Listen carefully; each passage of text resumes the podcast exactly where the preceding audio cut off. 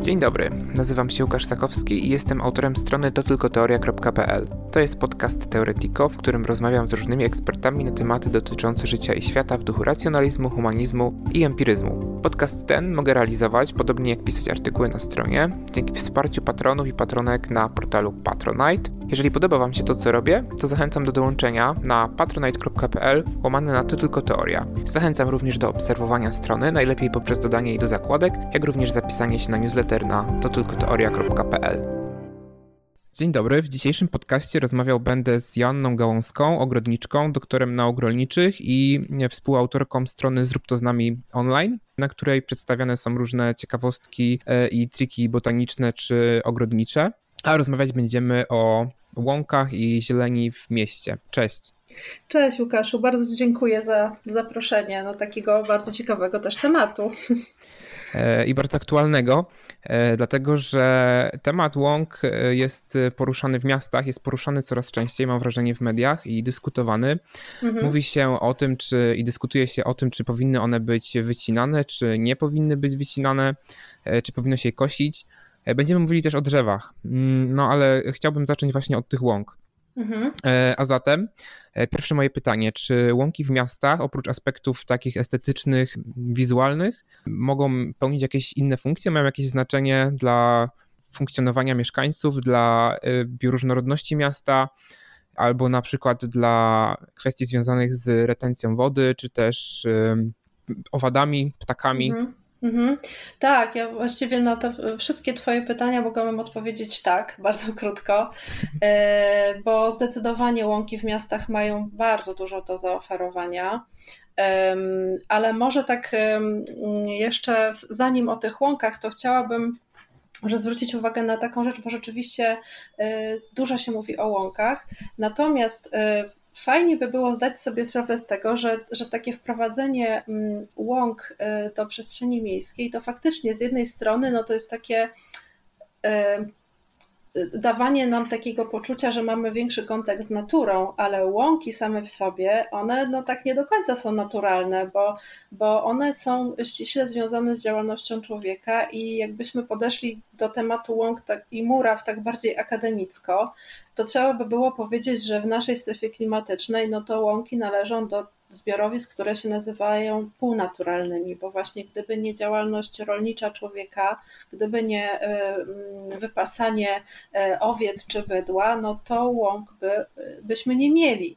E, I też właśnie przez to, że zmienia nam się sposób gospodarowania i ten model rolnictwa z takiego mm, bardzo tradycyjnego nam się zmienia na bardziej taki przemysłowy, no to też te łąki, można powiedzieć, są w jakiś stopniu też zagrożone.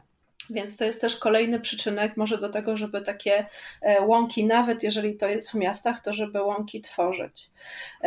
No i właśnie już przechodząc do, do tych korzyści z zakładania rąk, to tak jak, e, tak jak wspomniałeś, to są oczywiście te, te aspekty e, i estetyczne, ale też i, i bioretencji, i, i łąki są takim właśnie miejscem, gdzie czy owady pożyteczne, czy jakieś e, drobne inne zwierzęta mogą, mogą się schronić. E, no i zaczynając właśnie od tej e, bioretencji, to też może warto, nie, może nie wszyscy słuchacze wiedzą, co to jest bioretencja, więc tutaj chodzi o to, że właśnie jak mamy taką przestrzeń porośniętą kwietną łąką, no to tam łatwo może wsiąknąć woda opadowa. No na pewno ona wsiąknie w taką powierzchnię lepiej, niż byśmy mieli E, no jakiś, nie wiem, chodnik, czy nawet jakiś taki, taką jakąś powiedzmy no, półprzepuszczalną powierzchnię, no ta łąka jednak nam e, pozwala na to, żeby, żeby po deszczu e, woda sobie łagodnie wsiąkła w, w dany teren, a nie gdzieś tam spływała chodnikami i ulicami i tworzyła jakieś tam wielkie kałuże. Z drugiej strony też te rośliny łąkowe, one mają zwykle y, takie dosyć y, y, głęboko, no, głęboko korzeniące się korzenie, czyli korzenie, które bardzo głęboko wchodzą w ziemię i też są mocno rozgałęzione.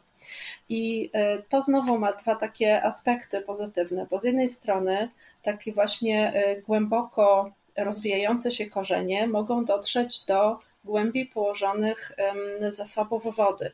Więc w momencie, kiedy mamy na przykład e, takie okresowe niedobory wody, e, czyli no susze e, czy brak opadów, no to te rośliny mają większą szansę poradzić sobie właśnie z taką, z taką stresową sytuacją i sięgnąć do tych zasobów wody głębiej położonych. Płytko korzeniące się na przykład, nie wiem, trawniki, no one, czy te trawy, z których są trawniki takie typowe, e, gęste, zielone, dywany robione, one już nie mają takich właściwości. Jeżeli nie ma długo opadów i się tego nie nawadnia, no to one po prostu stopniowo zamierają aż praktycznie do, do, e, do wysuszenia całkowitego.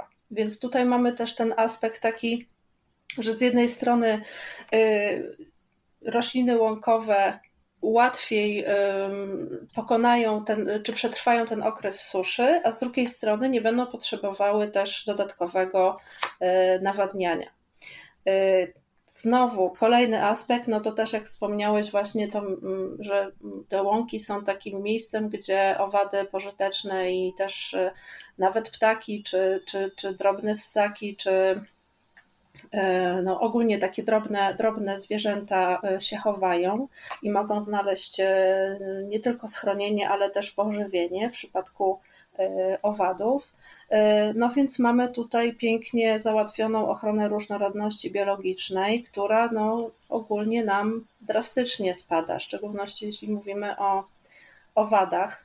Mm, to tutaj mamy bardzo dużo sygnałów e, na ten temat, że rzeczywiście e, no mamy, mamy problem z utrat, tej utraty różnorodności biologicznej.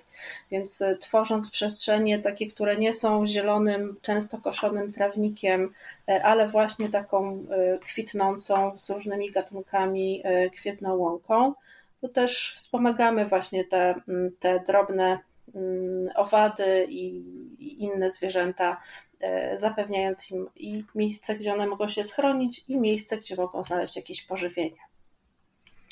A jak... O tak y, na jednym wdechu powiedziałam, ale tego naprawdę jest, y, jest y, sporo jeszcze do wymienienia.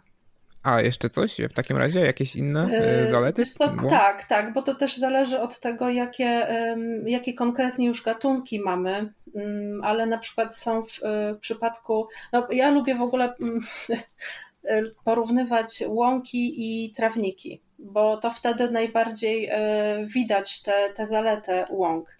Y, I w, oprócz takich właśnie względów estetycznych, które no też mogą być, no, mm, no nie wiem, jednemu się podoba bardziej trawnik taki e, skoszony jak, jak stół, prawda, zielony, a innym się podoba e, bujna łąka, więc to, mm, no to też ta, ta estetyka może nie jest takim silnym argumentem, e, ale już na przykład przez to, że właśnie E, te rośliny łąkowe często mają e, jakiś tam kłótner, włoskami są pokryte, mają bardziej takie, e, no nie są takim jednym źdźbłem trawy, tylko mają bardziej takie skomplikowane liście i w ogóle całą budowę mają bardziej skomplikowaną, no to one łatwo wychwytują pyły z powietrza.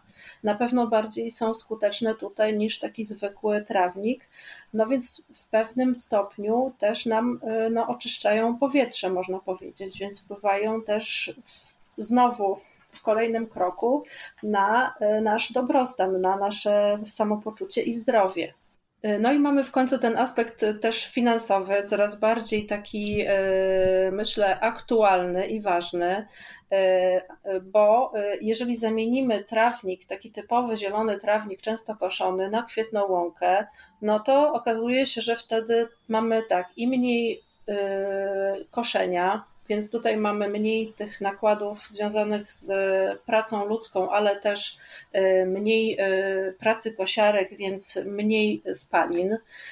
Mamy mniejsze potrzeby dotyczące nawadniania. Właściwie taka łąka kwietna, ona w, tylko w pierwszych latach wymaga takiego mm, wsparcia właśnie w, w dostępie do wody, a już w kolejnych latach ona praktycznie jest taka samowystarczalna pod względem wody.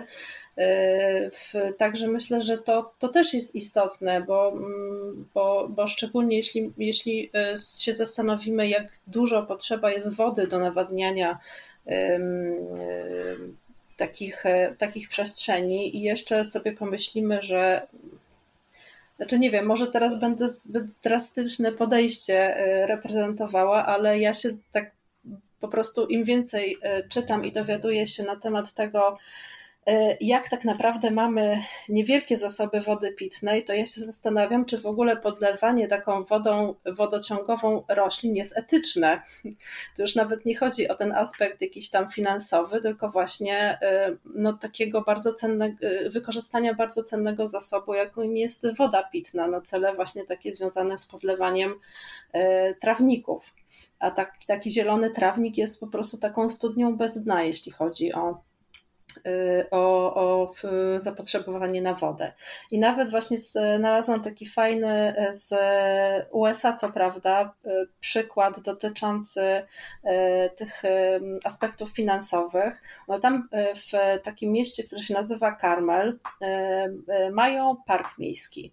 Mhm. I w którymś momencie, właśnie chcąc zredukować koszty tego utrzymania terenu, 16 hektarów trawy, takiego trawnika, jak to zwykle tam w, w, parkach miejskich są takie trawniki, zamienili właśnie te 16 hektarów trawy na roślinność preriową, czyli taką, która jest po prostu bardziej dostosowana do tamtych lokalnych warunków. I im się udało y, w taki sposób ograniczyć koszty o kilkadziesiąt tysięcy dolarów rocznie. To znaczy oni e, w, tak jak normalnie, jak mieli tę trawę, e, to rocznie przeznaczali 56 tysięcy dolarów na utrzymanie, to po tym jak zamienili trawę na roślinność preriową, to zredukowali te koszty do 2 tysięcy dolarów. Czyli 54 tysiące dolarów zaoszczędzili, zamieniając właśnie taki zwykły trawnik na roślinność preriową. Tak, no, mi, do mnie to naprawdę przemawia. E, I tutaj mowa o miejscowości Carmel w Stanach w, Zjednoczonych tak. w Kalifornii, tak? Liczba ludności niecałe 4000. E, wiesz co, bardzo możliwe. Musiałabym, z, musiałabym jeszcze potwierdzić. E, jak na taką, jak na taką liczbę ludności i taką, takie małe miasteczko, to naprawdę spore oszczędności. No, to jest, i to jest powierzchnia 16 hektarów, więc e, no dosyć znaczna. Mhm, duży, prawda. duży teren. A gdzie w ogóle, w, ale w warunkach takich naszych, bardziej polskich, e, gdzie takie łąki w miastach e, najlepiej były umiejscawiać? Y, wiesz co, w zasadzie wszędzie można by było takie łąki robić, bo mm, a, a im gorszy teren, im mniej żyzny, tym lepiej, tak na dobrą sprawę, bo y, właśnie jednym z takich y, warunków do tego, żeby łąka kwietna, mówimy o takiej łące kwietnej, która tam ma najlepiej powiedzmy około 30 różnych gatunków roślin wieloletnich, jednorocznych i tak dalej, prawda? To tak jakby mhm. w ja o takiej łące myślę, no to takie łąki y, właśnie mm, one mają rację bytu w, w, w takich miejscach, gdzie jest y, no, mało żyzna gleba, a akurat w miastach bardzo często się tak zdarza, że na przykład ta, czy też ta, mm, ta głębokość y, gruntu nie jest zbyt duża, bo nie wiem, gdzieś tam są a to jakieś pozostałości budowli, a to jakieś fundamenty, no też szczególnie ogrodnicy, którzy zakładają jakieś nowe, e, nowe tereny zielone w miastach, to często mają problem taki, że wbijasz szpadel, a tam się okazuje, że on no, zatrzymuje się na jakiejś płycie chodnikowej albo na jakimś gruzie, więc, mhm. E, więc e, no te, te, można powiedzieć, że te łąki można w zasadzie wszędzie e, zakładać, jeżeli jest, jest takie, jest taka potrzeba i, i są takie, mm, jakby to powiedzieć, no, war, warunki w sensie, że, że no, lokalna społeczność, czy powiedzmy, nie wiem, koncepcja y, jest tutaj. Za, za, e, za, za projekt przestrzenny, tak, za projektowanie tak, tak. przestrzenne. Tak, bo to też no, trzeba. Y, mm, w ogóle zieleń w miastach trzeba rozpatrywać pod wieloma różnymi aspektami i w, no bo tak oczywiście to podtrzymuję, że technicznie można łąkę wszędzie y, założyć, ale no wyobrażam sobie, że ta łąka też nie wszędzie będzie pasowała, bo jeżeli na przykład mamy jakiś mm, teren przy pałacu, który ma swoją historię i swój styl architektoniczny, i powiedzmy, że y, tradycyjnie przy tym pałacu zawsze były mm, ogrody w stylu francuskim z niskimi żywopłotkami e, z, z jakiegoś tam bukszpanu, no to wprowadzenie tam łąki kwietnej może po prostu być nie, nieuzasadnione z takich względów historycznych, czy właśnie mm, jakiejś tra tradycji, e, mhm. która na danym, danym terenie była. Znowu w takich bardzo mm, e, bardzo zindustrializowanych miejscach albo takich, takich e, przestrzeniach, gdzie dominuje stal i szkło, e, no to też można by było się zastanowić, bo, bo e, może mieć architekt taką koncepcję, że tam będą same krzewy i jakieś takie bardzo minimalistyczne formy, ale też można to zestawić właśnie na zasadzie kontrastu, czyli tutaj mamy właśnie taką wysoki, wysoki budynek z, z olbrzymimi powierzchniami szkła czy surowego betonu i w zestawieniu właśnie z taką łąką kwietną, to może też dawać jakiś ciekawy efekt. Ale jeszcze jest jeden aspekt, mianowicie taki, że zawsze się znajdzie jakaś grupa osób, która stwierdzi, że to nie jest łąka kwietna, tylko to jest jakiś zapuszczony trawnik i dlaczego tego nikt nie skosi i nie zrobi z tym porządku taki atawizm e, trochę, w sensie ludzie e, mają e, poczucie z, ze względu na swoje nawyki czy wychowanie z XX wieku, że taki trawnik uznają z automatu za zaniedbany. Tak, tak. Była taka właśnie sytuacja, w, jak w Warszawie mm, parę lat temu właśnie w,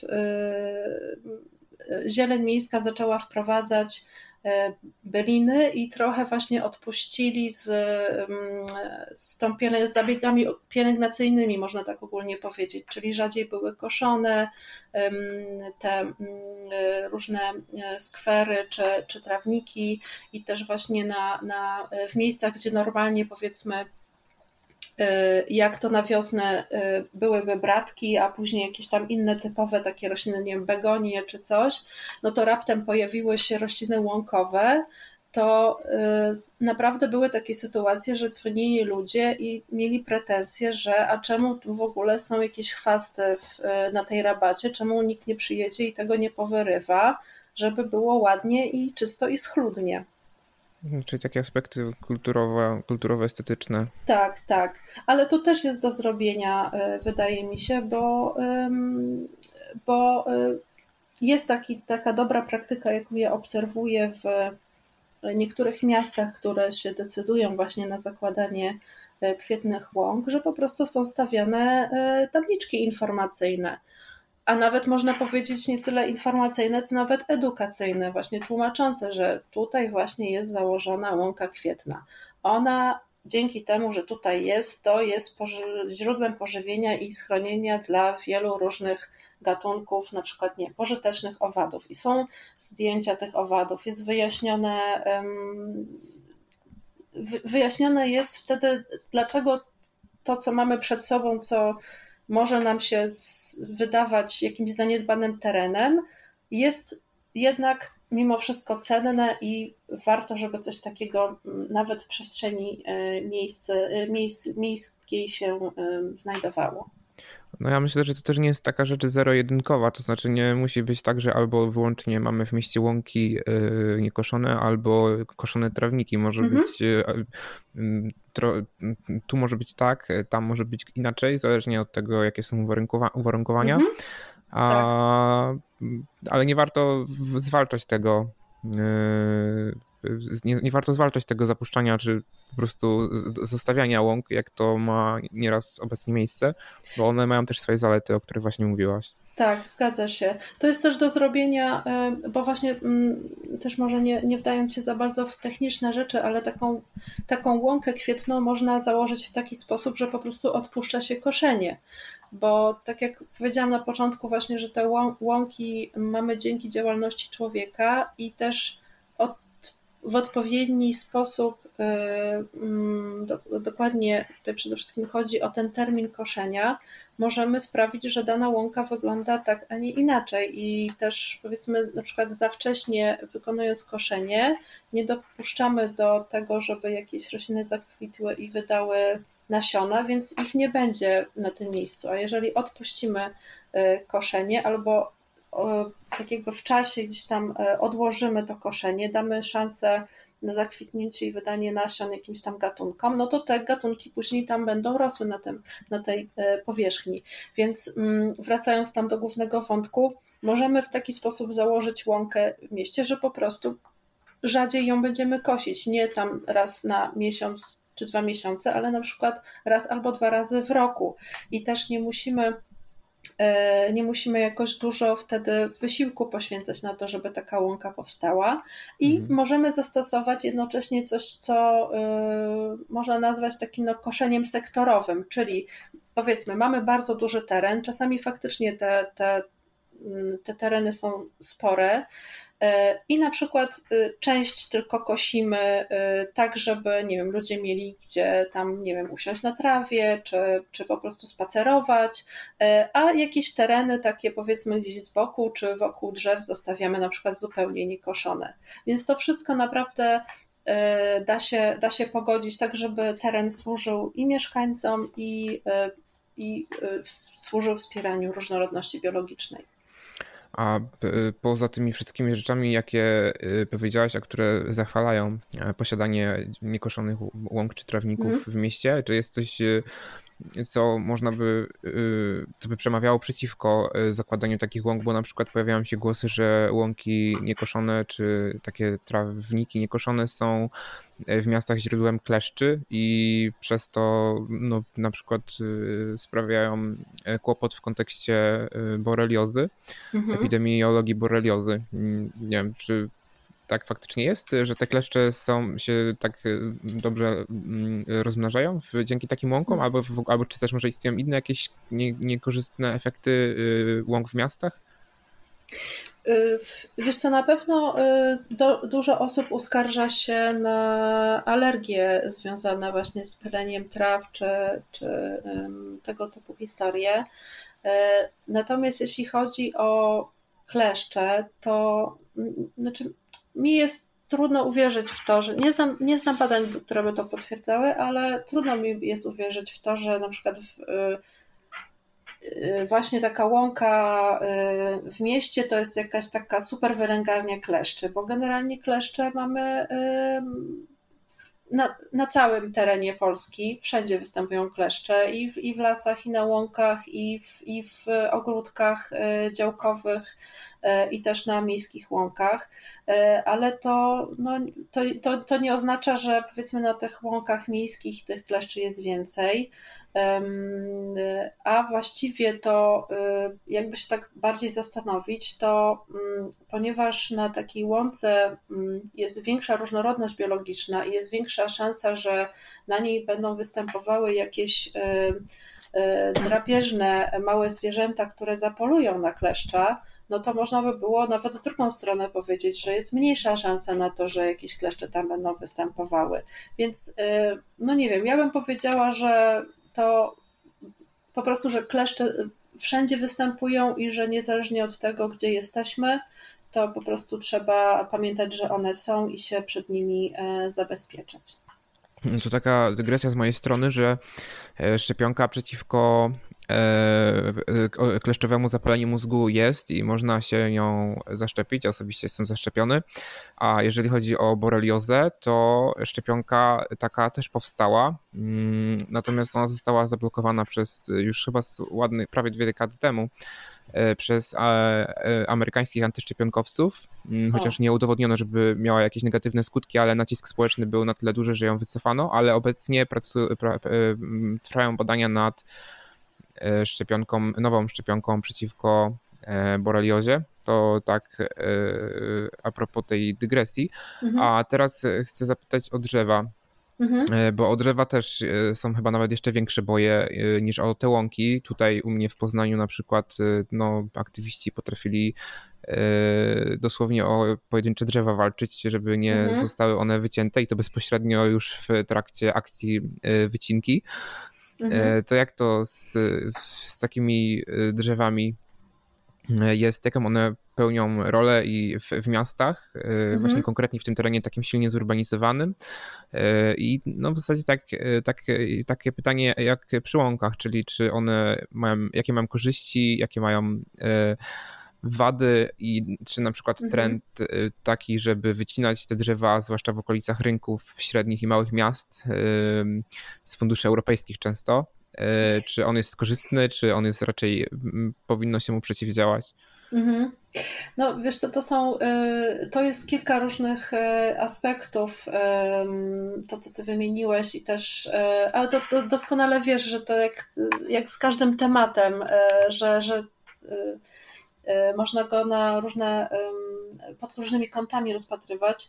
E, więc no tak, generalnie jeśli, jeśli mówimy o drzewach w mieście, to one na pewno dają więcej dobrego niż złego i takie mm, nieudane rewitalizacje e, no na pewno, e, na pewno nie robią dobrze i, i mieszkańcom, i wyglądowi tego, tego rynku, bo ja też wiem o czym mówisz, też widziałam takie zrewitalizowane w cudzysłowie rynki.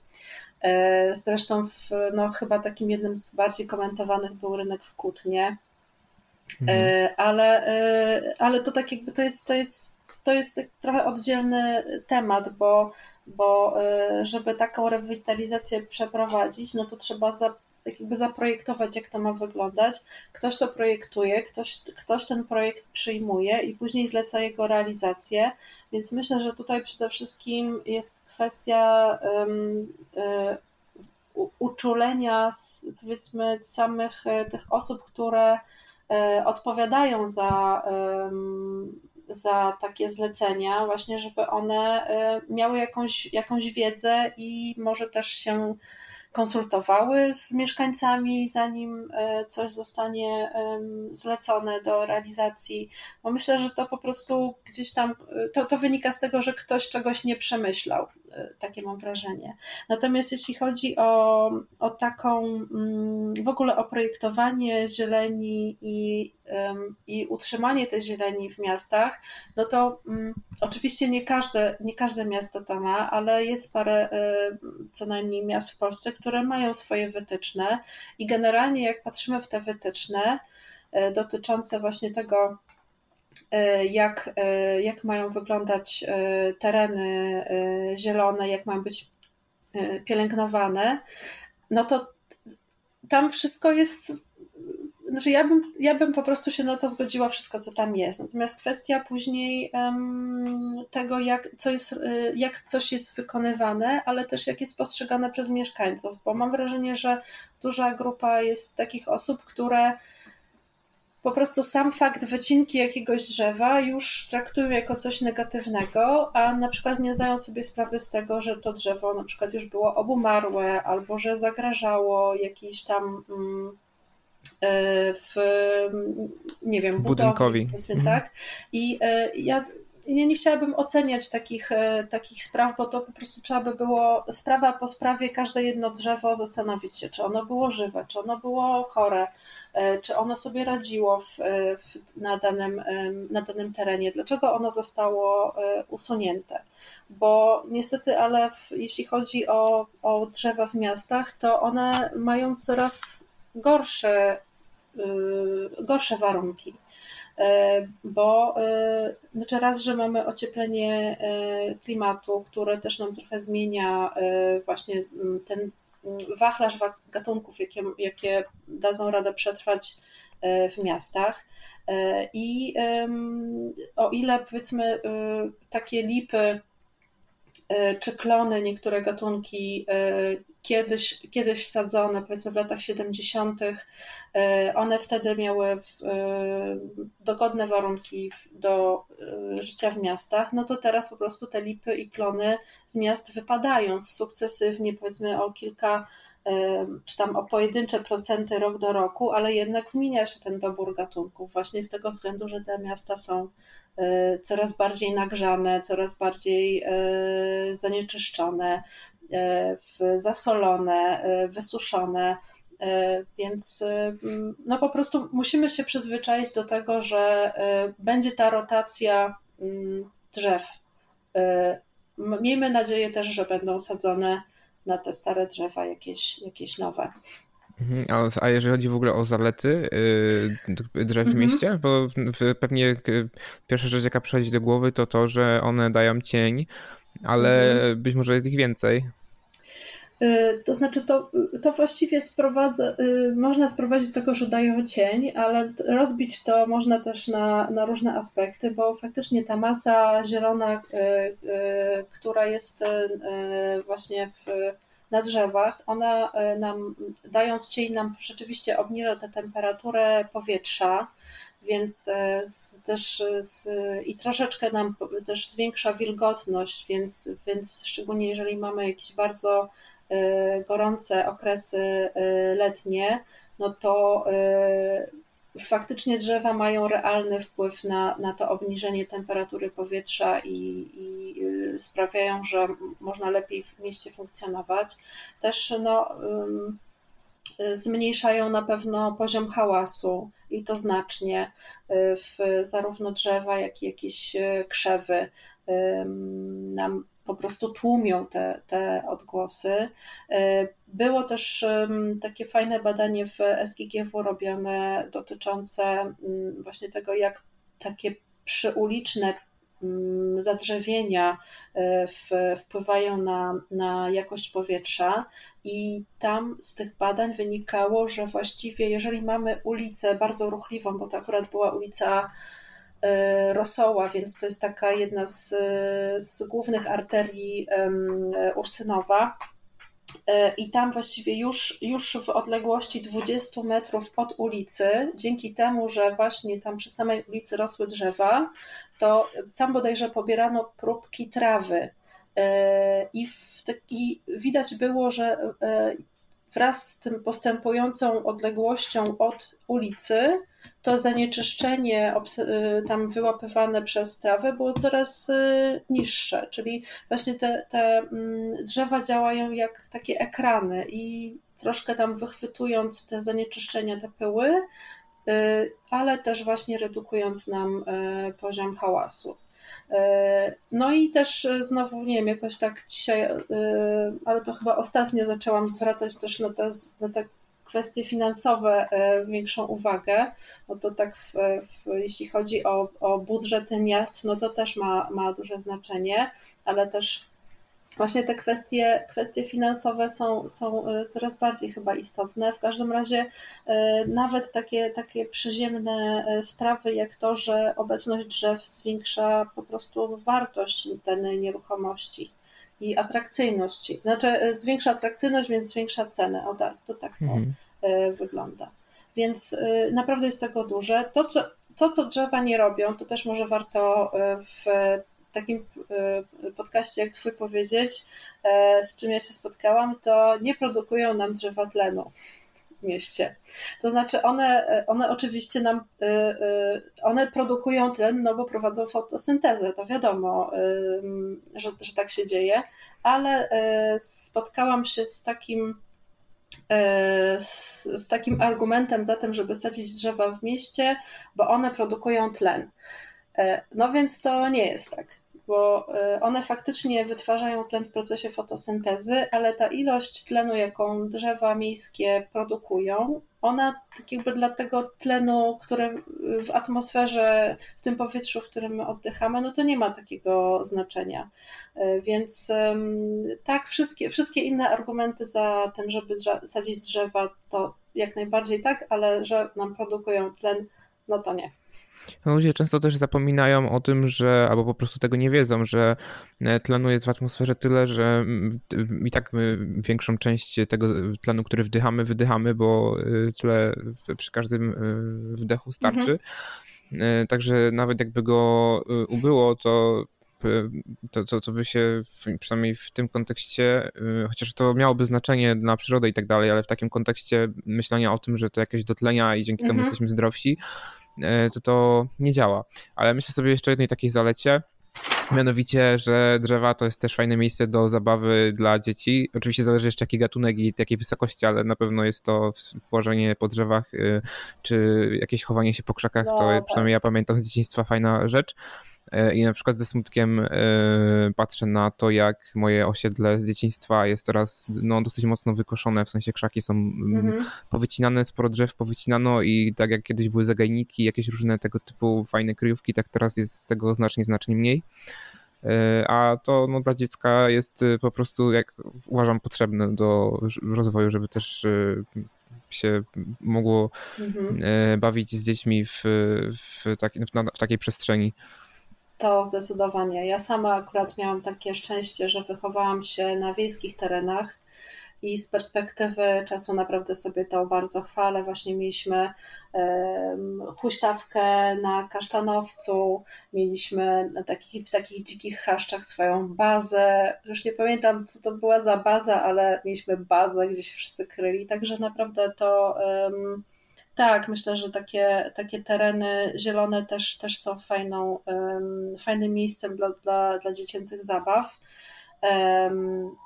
No ale jednak widzę taki trend, że, że dzieci to jednak według dorosłych to powinny się bawić na plastikowych zjeżdżalniach e, i w jakichś takich e, specjalnie do tego wyprodukowanych E, jakichś e, elementach małej architektury, a już takie powiedzmy konary drzew, czy jakieś tam e, chaszcze z, nie wiem, to było chyba, chyba w moim przypadku, to był taki wiel, wiel, wielkie, wielkie zagęszczenie lilaków, czyli tak zwanego tej rośliny, którą wszyscy nazywają bzem, a tak naprawdę jest lilak. Hmm. Takie, co, co na fioletowo takimi wielkimi kiśćmi kwitnie w maju. Więc no. E, no niestety też mam takie e, obserwacje, że e, takich terenów, gdzie człowiek odpuszcza jednak takie przycinanie, plewienie, no jest, jest coraz mniej. No, ja też pamiętam, że świetną zabawą z dzieciństwa było zbieranie pościnanych raz czy dwa razy do roku gałęzi i robienie z tego szałasów.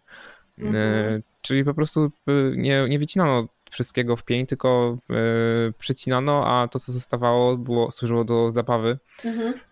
I to też fajna sprawa. No ale to jest temat i to, że dzieci coraz częściej są zamykane w, w ogrodzeniach do zabawy, zamiast się bawić luzem i niekoniecznie tylko pod okiem mhm. rodziców, to już jest temat na osobną, osobny podcast i osobną rozmowę. Zdecydowanie. No właśnie, a powiedz mi, e, e, prze, przechodząc do tematu e, takich już ściśle miejsc przeznaczonych do, do utrzymywania roślin, takich jak ogrody botaniczne czy mhm. dendrologiczne, ale też w zasadzie można powiedzieć, że palmiarnie. Jaka jest ich poza taką naukową rolą i edukacyjną, mhm. czy też popularyzującą naukę, jaka, jakie one mają wkład takie miejsca dla miasta i dla y, mieszkańców miasta czy miejscowości. Mhm. Wiesz co, właściwie to, to co ty powiedziałeś, to, to y, w dużym stopniu wyczerpuje taką, taką rolę, ale może, może w takim razie byśmy trochę rozwinęli ten temat właśnie działalności naukowej i edukacyjnej i powiedzieli, na czym ona konkretnie polega, bo mam wrażenie, że to trochę jest tak, mm, no powiedzieć, że się zajmuje działalnością naukową ogród botaniczny, to dla mnie trochę jest za mało, bo ja też miałam do czynienia swego czasu z, właśnie z ogrodami botanicznymi, nie tylko jako e, osoba, która odwiedzała, ale też prowadziłam zajęcia dla studentów właśnie na terenie e, ogrodu botanicznego. E, więc chętnie bym po prostu tutaj się zagłębiła w to tak czy inaczej. Mhm, jak najbardziej. Jeśli pozwolisz. Więc to w ogóle ta działalność naukowa to jest trochę tak jak w przypadku ogrodów zoologicznych. To jest. Bo my mamy jako, jako osoby, które nie mają za bardzo do czynienia właśnie z działalnością naukową, to postrzegają ogrody botaniczne albo właśnie te zoologiczne jako takie miejsce bardziej rekreacji, że tam można wejść, pooglądać sobie rośliny, y, pospacerować, y, czyli mieć taki, taki kontakt gdzieś tam z, z naturą, ale ta funkcja taka rekreacyjna, czy nawet edukacyjna względem właśnie tak ogółu społeczeństwa, to one tak naprawdę z punktu widzenia takich jednostek y, jak, jak ogrody botaniczne albo zoologiczne, to jest taka marginalna, można powiedzieć. W przypadku ogrodów zoologicznych nawet spotkałam się z takim stwierdzeniem, że powinno się wręcz odejść od, od y, udostępniania y, tej przestrzeni dla zwiedzających i skupić się jednak na ochronie tych zwierząt, które tam są, mieszkają w tych ogrodach zoologicznych. No w przypadku ogrodów botanicznych akurat rośliny aż tak się nie stresują, y, y, z, jak je ktoś ogląda, więc mamy inną sytuację, ale też ta, y, ta lwia część dotycząca działalności ogrodów botanicznych, no to jest jednak taka działalność naukowa, ale w sensie taka badawcza, że tam nie tylko się szkoli osoby, które, e, które później stają się specjalistami w dziedzinie czy botaniki, czy ochrony środowiska, czy ekologii, e, ale też są prowadzone zajęcia dla uczniów ze szkół podstawowych i ponadpodstawowych, są zajęcia dla studentów, więc to też jest taka, ta edukacja też jest dosyć, dosyć szeroka. Y, na pewno y, z takim głównym, głównym y, zadaniem ogrodów botanicznych no to jest właśnie to zakładanie i prowadzenie kolekcji roślin.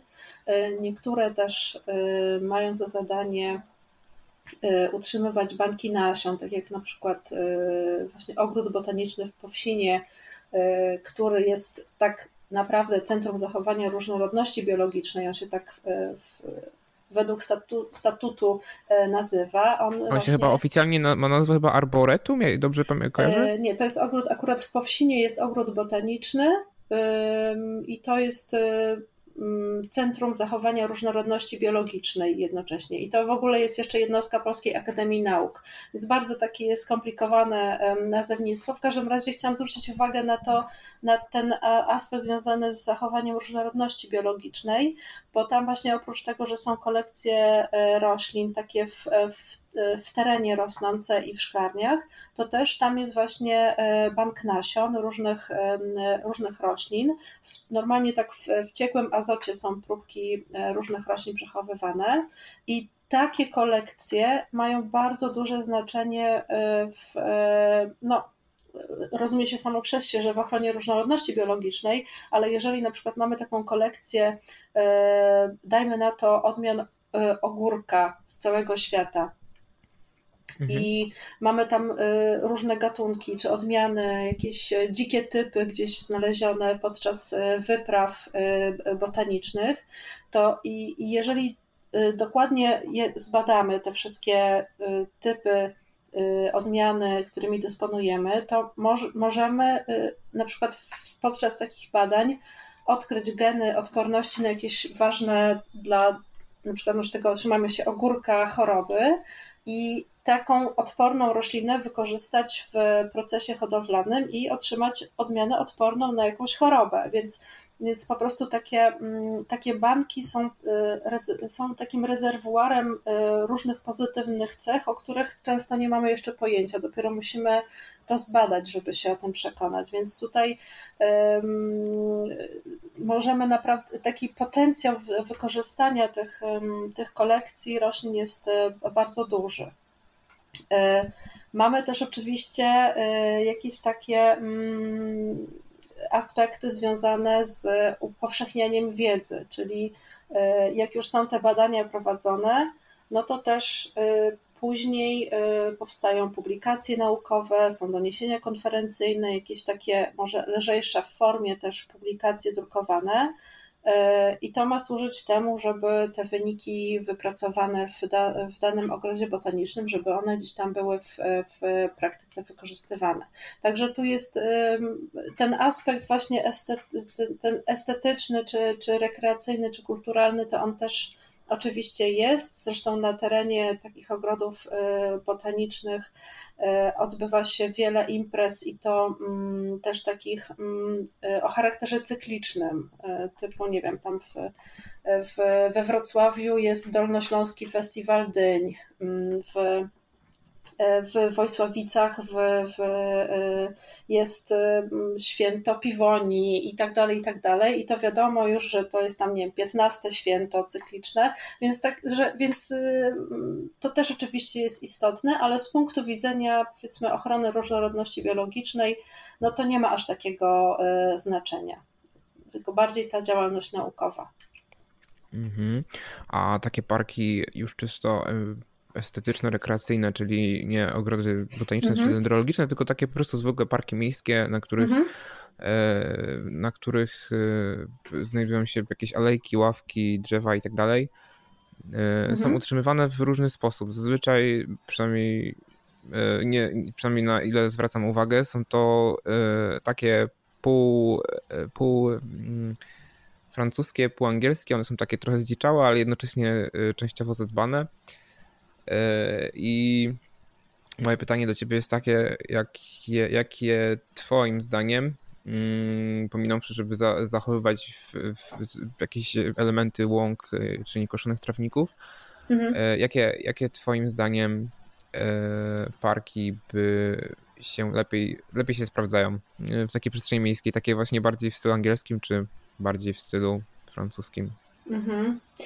E, wydaje mi się, że biorąc pod uwagę takie różne aspekty, o których rozmawialiśmy, czyli e, to, że w miastach mamy mm, takie dosyć specyficzne, trochę, trochę cięższe warunki e, i fajnie by było, gdyby ta ilość pracy, którą trzeba wykonać na danym terenie była no, jak najmniejsza i żeby tam nie trzeba było tego cały czas kosić i przycinać i y, nawadniać, y, no to na pewno bardziej by się sprawdziły takie y, no, angielskie, bardziej zbliżone do, do natury, bardziej takie może one nie w, w doborze roślin to może niekoniecznie dzik, dzikimi byśmy je nazwali, ale takie właśnie bardziej swobodne aranżacje e, i bardziej zróżnicowane, bo, no, bo właśnie one wtedy nawet jak jakaś roślina nam wypadnie, no to e,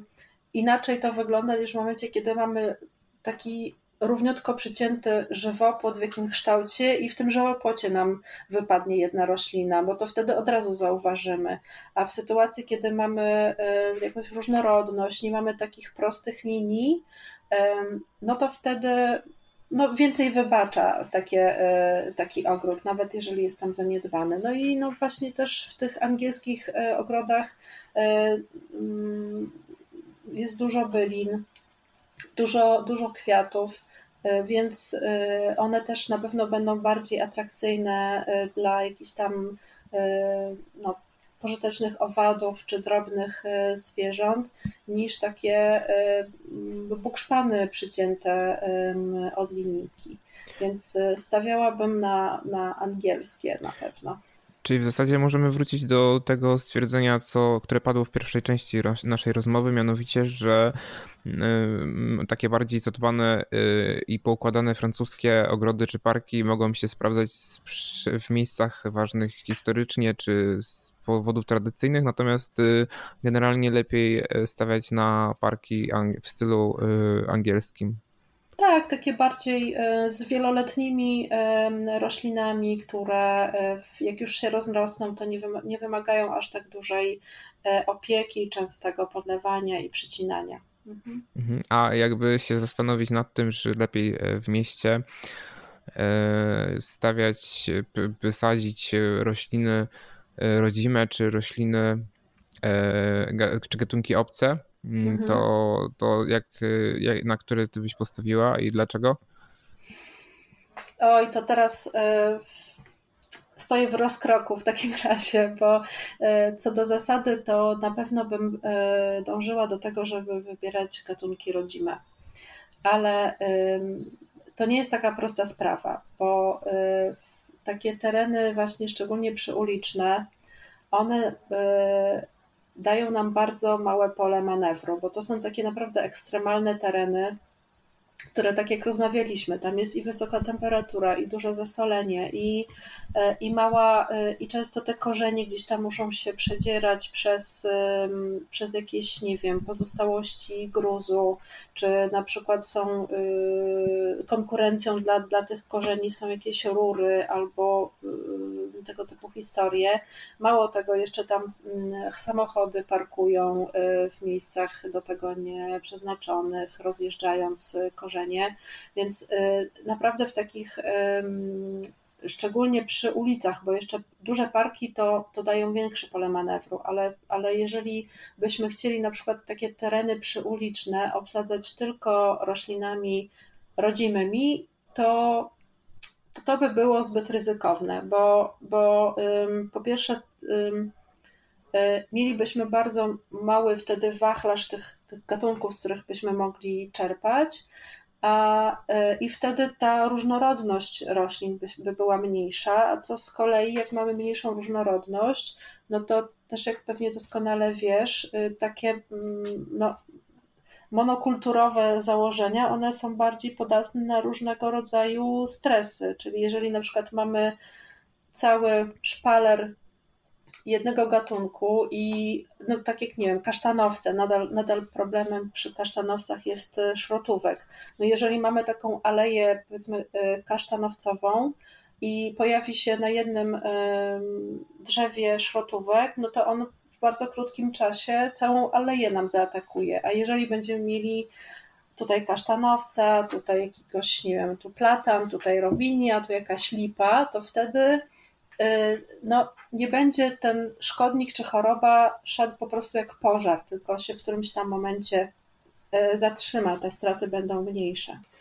Więc y, chciałabym bardzo, żebyśmy mogli sadzić tylko rodzime gatunki, ale z tak z praktycznego punktu widzenia, jeżeli chcemy mieć zdrowe rośliny, dużo tych roślin, żeby było ładnie, zielono, żeby nam tłumiły hałasy, żeby nam wychwytywały pyły, to jednak po prostu musimy e, też e, zaangażować gatunki obce, byleby tylko nie były gatunkami inwazyjnymi. Mhm. A jak sądzisz, dlaczego miłożąb japoński jest w Polsce taki popularny? Miłożąb japoński jest idealną rośliną do miast. Jest naprawdę, pomimo tego, że wydaje nam się taką egzotyczną rośliną, to on ma bardzo e, małe wymagania i świetnie właśnie sprawdza się w miastach dzięki temu. Mhm, rozumiem. To ma swoje funkcjonalne uzasadnienie. Tak, tak. Po prostu e, jakbyśmy, e, jakbyśmy porównali na przykład miłożąb japoński i klon Jawor, to, to prędzej w tym momencie miłożąb japoński się w, sprawdzi w mieście niż klon Jawor. No tak. No. Więc no pytanie, czy chcielibyśmy mieć jakieś yy, za wszelką cenę jakiegoś klona rodzimego, którego trzeba by było więcej doglądać, go tam, nie wiem, podlewać, może jakoś pilnować, żeby tam sól na niego nie spadała, czy takiego twardziela miłożęba, który tam sobie poradzi w mieście bez problemu. No, to są takie dylematy. Wybór pragmatyczny. No. A y, ostatnie moje pytanie y, mhm. dotyczy popularności hotelików dla owadów, jakie są zakładane w miastach. Y, mhm. Bo widać też, przynajmniej ja obserwuję taką e, tendencję, że ludzie chcą zrobić coś dobrego dla przyrody w swoim otoczeniu i w tym celu zakładają takie hoteliki. Mm, więc no, ostatnie moje pytanie, czy to ma sens, takie, takie zakładanie takich hotelików? Co, jeżeli tak, to co one dają, a jeżeli nie, to dlaczego nie? Mhm. E, a jeżeli mają, e, wracając, no to jak w ogóle robić takie hoteliki, żeby to jakoś e, sprawnie funkcjonowało? Mhm.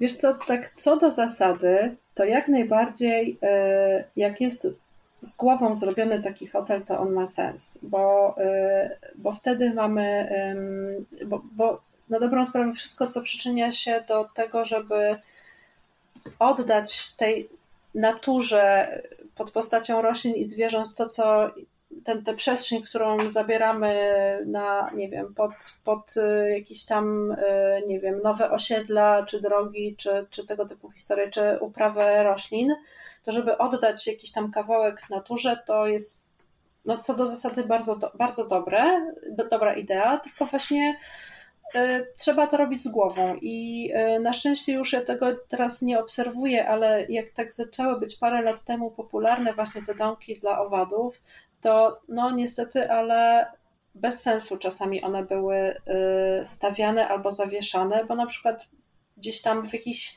ciemnych zakątkach parków ja widziałam takie ogrody, te, takie mm, domki dla owadów, czy w te, czyli w takich miejscach, gdzie nie ma pożytku. E, dla tych owadów. A e, żeby to zrobić z głową, to trzeba by było zacząć od tego, żeby stworzyć jakąś przestrzeń, gdzie będą e, rosły rośliny, gdzie będą kwitły te rośliny.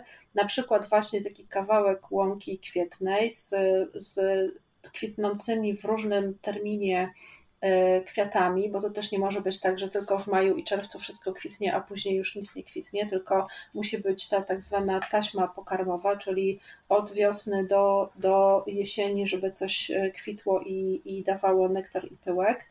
Więc więc może to być łąka, może to być jakaś rabata bylinowa, cokolwiek, co będzie takim miejscem, gdzie będą mogły po prostu y, czerpać y, pożytek rośliny. I wtedy dopiero, chcąc właśnie stworzyć owadom też przestrzeń do tego, żeby sobie gniazdowały, y, no to można pomyśleć o tym hotelu. Przy czym trzeba pamiętać, że nie wszystkie owady, które mm, występują w przestrzeni miejskiej, no po prostu się do takiego hotelu e, wprowadzą, że tak powiem, bo na przykład niektóre gatunki trzmieli e, wolą sobie w, po prostu w ziemi, w takich norkach bytować, więc to, mm, jest to też trzeba zdać sobie sprawę z tego, że, że, nie, że trzeba ten hotel z myślą o konkretnych y, gatunkach y, owadów tworzyć i w zależności od tego, jakie to mają być owady, to wypełniać je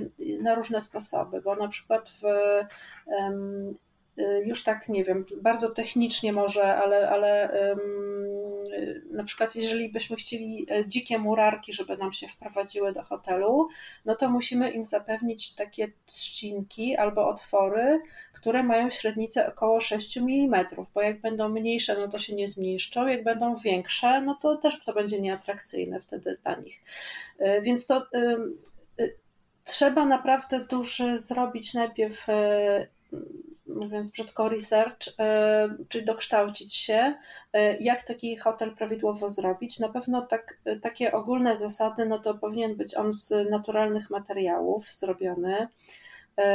Dobrze, żeby miał zadaszenie, a czy powinien być jakoś ogrodzony jakąś siatką? Bo na przykład słyszałem o tym, że mogą ptaki wyjadać te wady z takich domków. Mogą. Dobrze by było, żeby on był jakąś siatką zabezpieczony.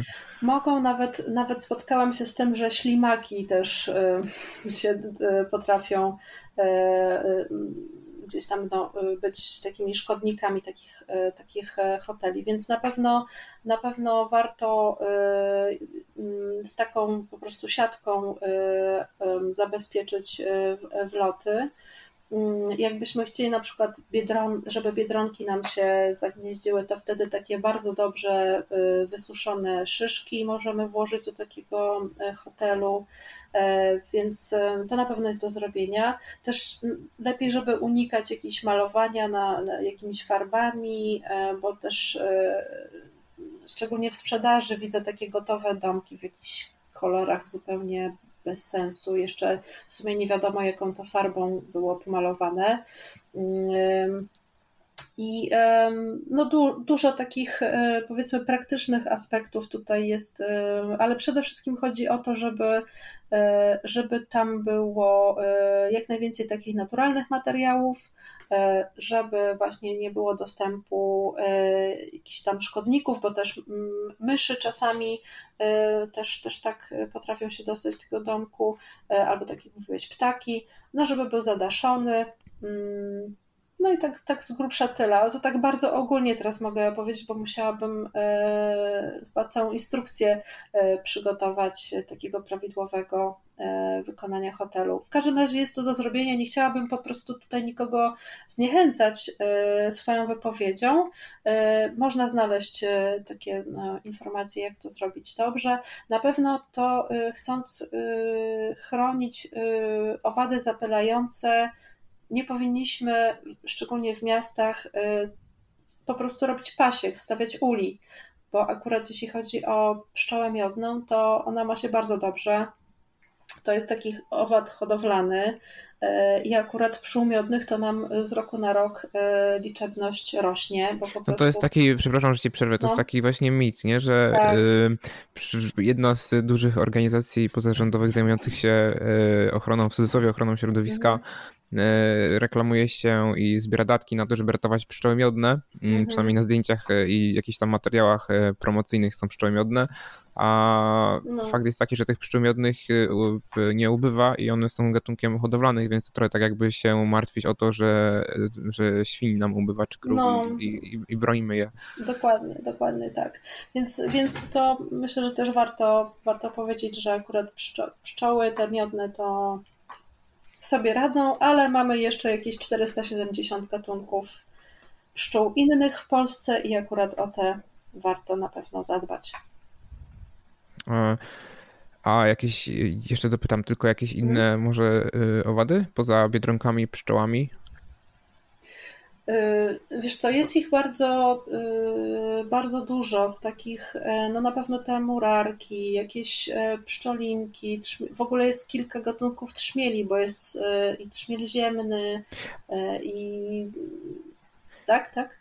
Ale mi chodzi właśnie o też w ogóle inne rzędy, nie tylko, nie tylko właśnie pszczo, pszczołowate, tylko czy rodziny, Aha.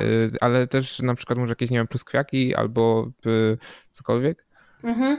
Wiesz co, w, praktycznie w każdej, e, w każdej rodzinie, w każdym rzędzie coś, coś znajdziemy, czym warto, znaczy może inaczej powiem, każdy owad jest potrzebny e, z takich naprawdę pożytecznych, pożytecznych, które, które pewnie gdzieś tam się e, nam przewinęły przed oczami, a niekoniecznie znamy, no to bzygi są i bzyki. To są te takie, które, to są takie muchy, nie? Które... Muchy udające pszczołę. Pszczoły, tak. One takie są jakby zawieszone w powietrzu. Tak, tak. I to są, e, i bzygi właśnie e, są też bardzo ważnymi zapylaczami, bardzo są pożyteczne i i no ale to, że właśnie one są takie w te, w te żółto-czarne paski jak osa, to trochę tak powoduje, że jak ktoś nie wie, no to tam pacnie, pacnie ręką i, i chce zabić, no bo to no, jak, jak w paski żółto-czarne, to pewnie osa, więc trzeba, trzeba zabić. A swoją drogą osy też nie. E, to nie jest tak, że osy są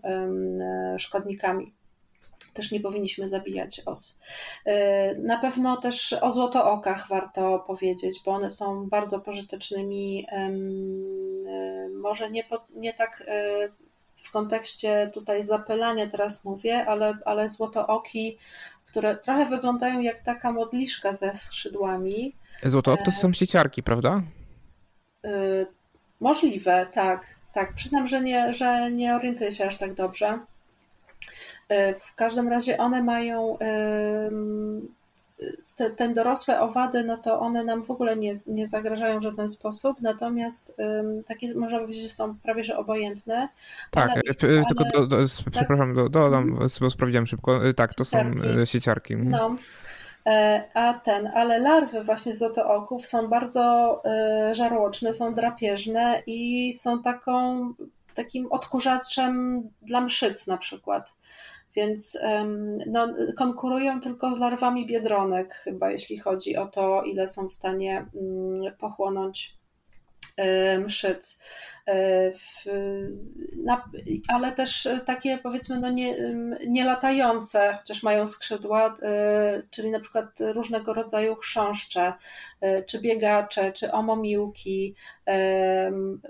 To są wszystko bardzo potrzebne, y, pożyteczne y, owady, chociaż może tak nie wyglądają, ale szczególnie biegacze są takimi też właśnie y, siłaczami i, i bardzo, bardzo żarłocznymi owadami, które, które nam pomagają w ogrodzie szczególnie. Mhm. E, I one w tym też zamieszkują w tych domkach dla owadów, tak? Wiesz co, one bardziej pod kamieniami wtedy.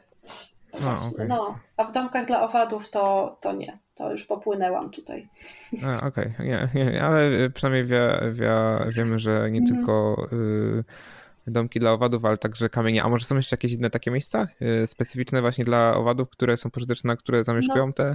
No właśnie tak, tak. Jakieś spróchniałe drewno? Y, y, właściwie to y, też y, trochę możemy wrócić do, do tych, y, powiedzmy, gdzieś tam niezbyt, niezbyt zadbanych terenów dzikich, które, które były fajnym miejscem dla zabaw, właśnie typu jakieś tam yy, sterty gałęzi, czy takie mniej, mniej zadbane tereny, no to są takie właśnie ostoje dla tych wszystkich mniejszych lub większych żyjątek. E, czy to właśnie dla owadów, czy dla jeży, czy wiem, no, takie kubki kamieni gdzieś tam e, w kącie e, ogrodu, ale też parku mogą być miejscem właśnie schronienia dla jakichś gadów czy płazów. Więc naprawdę nie powinniśmy tak czyścić całej tej przestrzeni ciąć wszystkiego pod linijkę, tylko zostawmy trochę też miejsca właśnie dla e, takiego niezbyt zadbanego, gdzieś tam jakieś e, e, pokrzywy w, w, gdzieś w, w rogu ogrodu czy parku też niech będą, bo one są przecież roślinami to jest, pokrzywa to jest jedyna roślina, na której larwy rusałki pawika żerują, więc więc no, muszą być pokrzywy, żeby były motyle e, i tak dalej, i tak dalej. Także hotele jak najbardziej mają sens, ale, ale to też nie jest tak, że nam załatwią e, sprawę jeśli, całą, jeśli chodzi o ochronę różnorodności biologicznej. No to ja może zakończę e, moją, moją myślą taką, że ludzie w przeszłości pewnie bali się wszelkich różnych mm, owadów y, i innych bezkręgowców i starali się dbać jak najbardziej o ten porządek, bo w przeszłości, zanim e, mieliśmy cały wachlarz leków na różne choroby i szczepień i zanim medycyna była tak rozwinięta jak jest teraz, no to kontakt z powiedzmy tutaj w cudzysłowie brudem e, lub też jakimiś e, bezkręgowcami mógł się skończyć e, chorobą i śmiercią, a teraz mamy to, ten przywilej w skali historii ludzkości, że możemy sobie pozwolić na korzystanie z zalet czegoś takiego, jednocześnie mając wady w ryzach, mając te wady pod kontrolą i w zasadzie nawet nie koniecznie już musimy postrzegać to jako wady, bo jesteśmy pozaszczepiani, bo mamy mydło wszędzie i możemy za każdym razem umyć ręce i tak dalej. E, a moim gościem była e, Joanna Gałąska, doktor nauk rolniczych, e, ogrodniczka i współautorka strony i poradniko, takiej poradnikowej botanicznej ogrodniczej Zrób to z nami online. Dziękuję. Bardzo dziękuję za zaproszenie. Był to podcast Teoretico. Jeśli Wam się podobał, to zachęcam do obserwowania strony totylkoteoria.pl, najlepiej poprzez dodanie jej do zakładek oraz zapisanie się na newsletter, jak również obserwowanie podcastu na platformach podcastowych. Zachęcam także do dołączenia na patronite.pl łamane na to tylko teoria, bo to dzięki wsparciu patronów i patronek mogę realizować ten podcast, jak również pisać artykuły na stronie. Do usłyszenia.